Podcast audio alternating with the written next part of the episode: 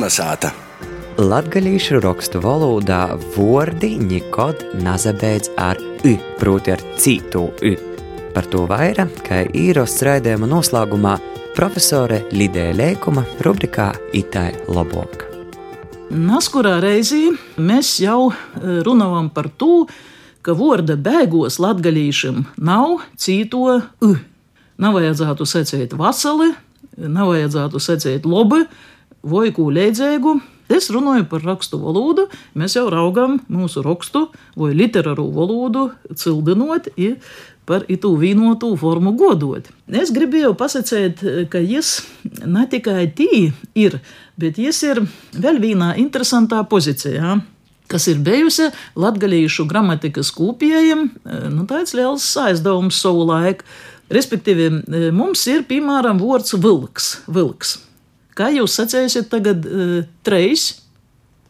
Vilki.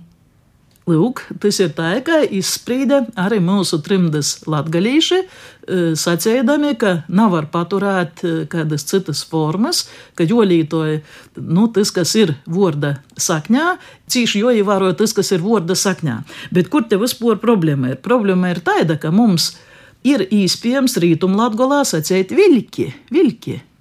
Nu, sacēsim, būtu jūs, e, kurš kur prēļu pusē, ap vorkavu, jūs to dzirdētu. Austrumlatgolā savukārt secētu vilku, vilku, tāpat kā vasali.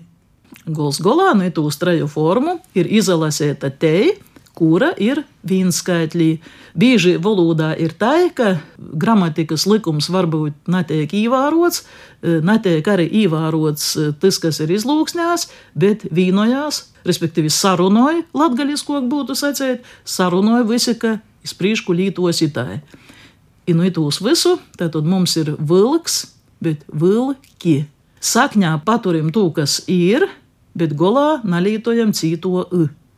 Tad vilki nasakam, koč tas vilki, jamūt pa latgalīšu valodas fonetikai, būtu cīši pareizs, cīši labs. Par to, ka tas beigu i, izpaidoja iepriekšējo zilbi, dora meikstu. I par to rītum latgolā saka tu vilki. Nu, bet viņš rakstu valodā nav paņemts. Protams, varēja tu mūsu 30. gados varbūt citāžoks prīstē to laika pareizrakstības komisijai. Ir, ir tas vaicojums, nu, faktiski atgoja arī līdz atmodas laikam, kā tāds, kur vienprotības nav. Bet tad, kad mēs atsūkam rakstīt latviešu, nu, tad labāk, ka viss tik ir vienota forma, tā kā viņi jau bija trimdā sasprīduši. Vaicojums par izlūksnēm ir rakstu valodu. E, tas vispār ir bezgalīgs vaicojums. Par to mēs e, varētu e, runāt, nezinu, cik katrā raidījumā, ja atrastu par ko runāt. Es tikai secētu, ka nav labs, nu, kā es smējos, var vēl vienu lēmeņa valodas kūpšanā pievienot dziedababas sindroms, es saku. Respektīvi, cilvēks īsadomājās, ka viņš tagad runājas kā jo baba, vai jūs runājat tagad kā jo tāvs, naraugiet, ja mīstostiet kaut ko citu, jūs to zināt, kā vajag runāt latgaļiski. Dēļ to mums e, šodien runās domstarpības, nav vajadzīgas domstarpības, es sacētu, bet jos ir saprotamas, jos ir likumsakarīgas, ko mazāk e, valoda kūpta ko mazāk, ja nu, kaut kur sabiedriskā apritē bijusi, to jau atšķirīgo, ka bijusi, ja tos vienotos formas nebūs.